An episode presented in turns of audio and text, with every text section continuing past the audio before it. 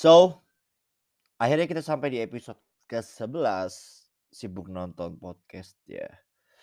Eh film yang bakalan gue share kali ini film yang cukup overrated karena dipuja-puja SJW. hmm, gue nggak terlalu suka film ini. Gue kasih dulu gambarannya ya. Intinya di IMDb aja udah 6. Gue bahkan mau ngasih dia 5,4 bahkan 5,2 kali ya. Karena banyak banget yang menurut gue uh, berantakan, berantakan. Cuman gue gak ngerti ya apa yang bisa menjadi hal positif di film ini.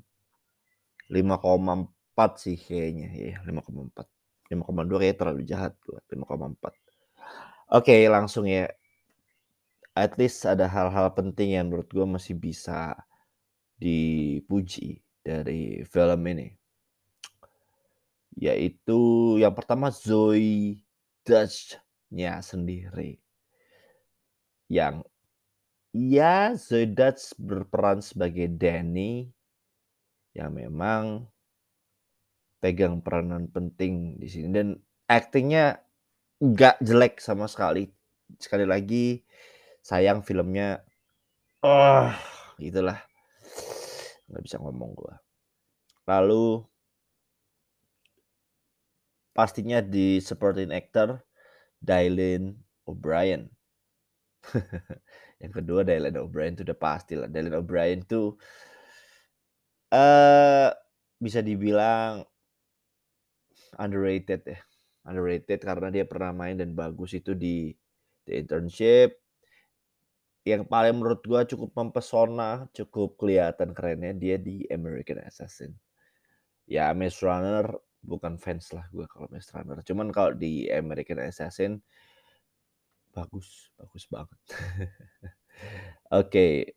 Nah, ini nih kalau ditanya terus yang paling best three-nya siapa nih? Yang nomor tiga ya siapa? Gua hmm, jujur agak susah. Cuman gua akhirnya menyimpulkan dari yang paling nolong yang paling nolong ya yaitu si Maya Mia Mi, uh, Maya Isaac. Mia Isaac bukan Maya ya Mia Isaac. So dia juga sekali lagi beda ya Zoe Dutch sama uh, Dylan O'Brien itu cukup terkenal Cuman kalau yang di sini gua agak painful nontonnya. Jujur aja, gua agak painful nonton uh, Maya Esek. Maya Esek bukan nggak berarti ngelakuin yang terbaik. Menurut gua dia udah yang terbaik ya. Cuman gua nggak tahu apakah penilaian gua benar. Cuman dia ngelakuin banyak banget peran yang Ya nggak menyentuh aja gitu. Dia tuh screen time-nya banyak banget nih si Maya Mia Isaac ini. Jadi kan ceritanya Mia Isaac di situ jadi penyintas mass shooting yang mengorbankan kakaknya lah intinya di kejadian itu. Dan gue nggak tahu mungkin dia orangnya cukup dark atau cukup nggak terlalu sentimental terus dipaksa acting nangis gue nggak dapet feelnya aja. Jadi makin nggak relate ini. Tapi at least dia banyak screen time tentang personanya si Maya Isaac Mia Isaac di sini. Ma Maya Maya mulu. Jadi personanya dia itu kan penyintas dan gimana caranya dia survive. Mostly adalah tentang dia tapi kan uh, Zoe Dust itu yang berusaha menjadi social butterfly di hidupnya Mia Isaac jadi aktivis, penyintas, atau survivor, dan juga jadi speaker. Itu yang dia berusaha ikutin. Tapi ya, not really good movie. Gue bingung dari sisi apa pun. So, yeah, it's time for me to little bit tell you uh, a bit of the story nggak terlalu lengkap, cuman sedikit aja. Cuman yang jelas ini spoiler alert. Dari awal udah spoiler alert sih. Jadi film ini bercerita tentang seorang wanita ambisius yang mengejar popularitas, gitu. Tapi starting levelnya itu dia buruk sekali, ibarat kata semua kerjaannya buruk, semua hal yang dilakukan nggak nggak berujung dapat apresiasi orang banyak. Jadi dia dia makin makin nggak punya jati diri, terus akhirnya kebetulan, mmm, ada seorang cowok yang di mana itu diperankan oleh Dylan O'Brien Dylan O'Brien yang di situ dia karakternya jadi influencer ganja, bernama Colin.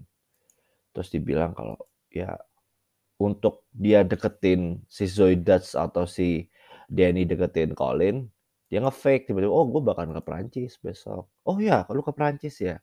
Karena si cowok ini nggak pernah ngegubris ceritanya. Nah, ya udah dia ngebohong kalau bakal ke Perancis ikut kompetisi penulis, malah berujung malsu itu sampai kejauhan, yaitu malsu foto segala macem. Malsu foto di sosial media, sampai cuti juga. Bener-bener fake it until you make it ini sebenarnya movie-nya. Terus kebetulan ketika di Perancis, ya meledak ternyata bom yang di tempat dia foto. Terus dia kan dia dia posisinya nggak lagi di sana kan. Ya udah tuh dia langsung mikir, "Anjing gimana nih caranya gue biar kelihatan real?"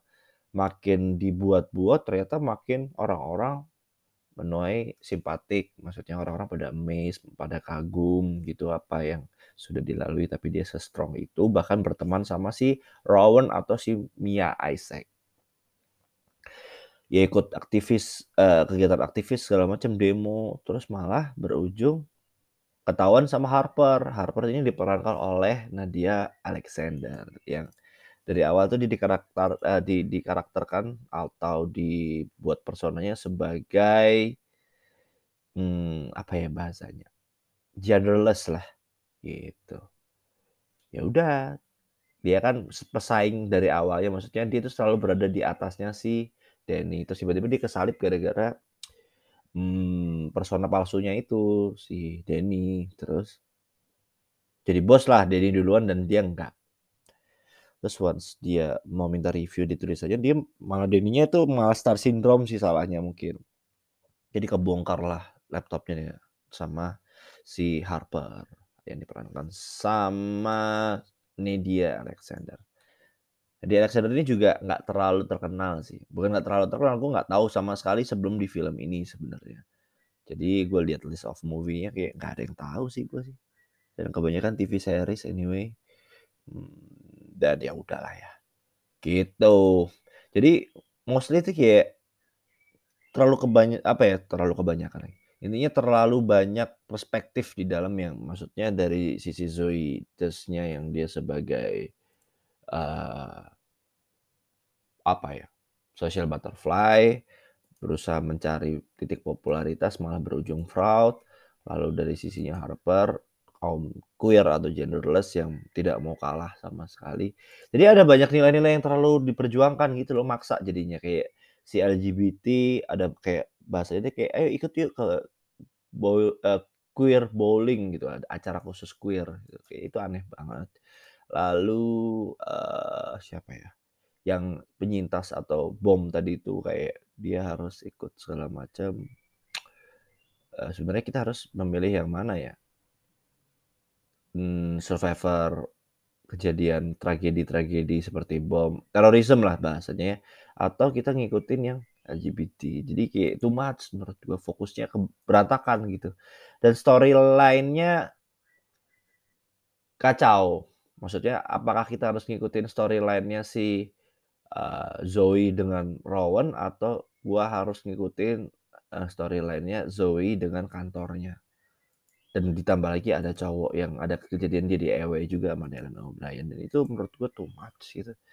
Ini sebenarnya mau ke mana nih arahnya? Sebenarnya kan yang mau disampaikan sesimpel gini nih, eee, ya lu jangan tersesat dengan sosial media personality lu, intinya itu, itu doang tuh. Tapi jadinya geser ke fake it until you make it. Nah, kalau di sini konteksnya fake it until you make it, kan dia make it, tapi akhirnya, eee, jadi flaw karena itu fraud, bohong. Tapi kan bener ya fake it. Tapi fake-nya ketahuan gitu. Dia make it, make it di popularitas tertinggi, dia terkenal, cuman ada satu yang jealous. Cuman yang aneh adalah, kan dia seperti di titik tertinggi, kok dia nggak bisa ngebungkam Harper? Dengan popularitas dia yang sebanyak itu, itu sebenarnya easy. Dan itu juga jatuhnya kayak, mmm, cancel culture kan yang juga mau diungkapkan gitu. Kayak, gua nggak tahu ya, dan ini pasti yang paling pantas disalahkan itu si Queen Shepherd ini, si direkturnya, direkturnya atau sutradaranya. Maksudnya, lu tuh mau ngebahas apa nih di sini nih? Ini film sampah banget jadinya, di ke mana-mana gitu loh. Gua mau ngebahas survivor iya, terorism maksudnya terorism survival iya, social media personality iya, terus ya apalagi ya? Kehidupan perkantoran iya gitu. Terus cancel culture iya. Mmm, menurut gua too much sih. Dan ending-nya juga ya pertama itu masalahnya terlalu dibuat-buat, jadi ending-nya tuh nggak nge-resolve apa-apa juga gitu. Kan dibilang tuh, intinya kalau lu pengen berdamai, lu minta maaf langsung, jangan lewat internet. Tentang apa yang udah lu lakukan kepada orang yang paling lu rasa lu sakitin gitulah. Dan nggak minta maaf juga, dia malah nonton puisinya dan gua tidak terenyuh juga. Bedalah film maksudnya ini menurut gua cuman film SJW biasa yang iya nggak nggak nggak bagus-bagus amat bahkan. Even bagus pun masih jauh, masih lim ya makanya gua bilang 5,4, 5,3, 5,2 ya sekitar 54, 52 lah. Gua nggak nggak bisa ngasih nilai lebih baik lagi. Dan gua merasa intinya ketika lu nonton dan lu ngerasa buang waktu tuh film jelek banget berarti.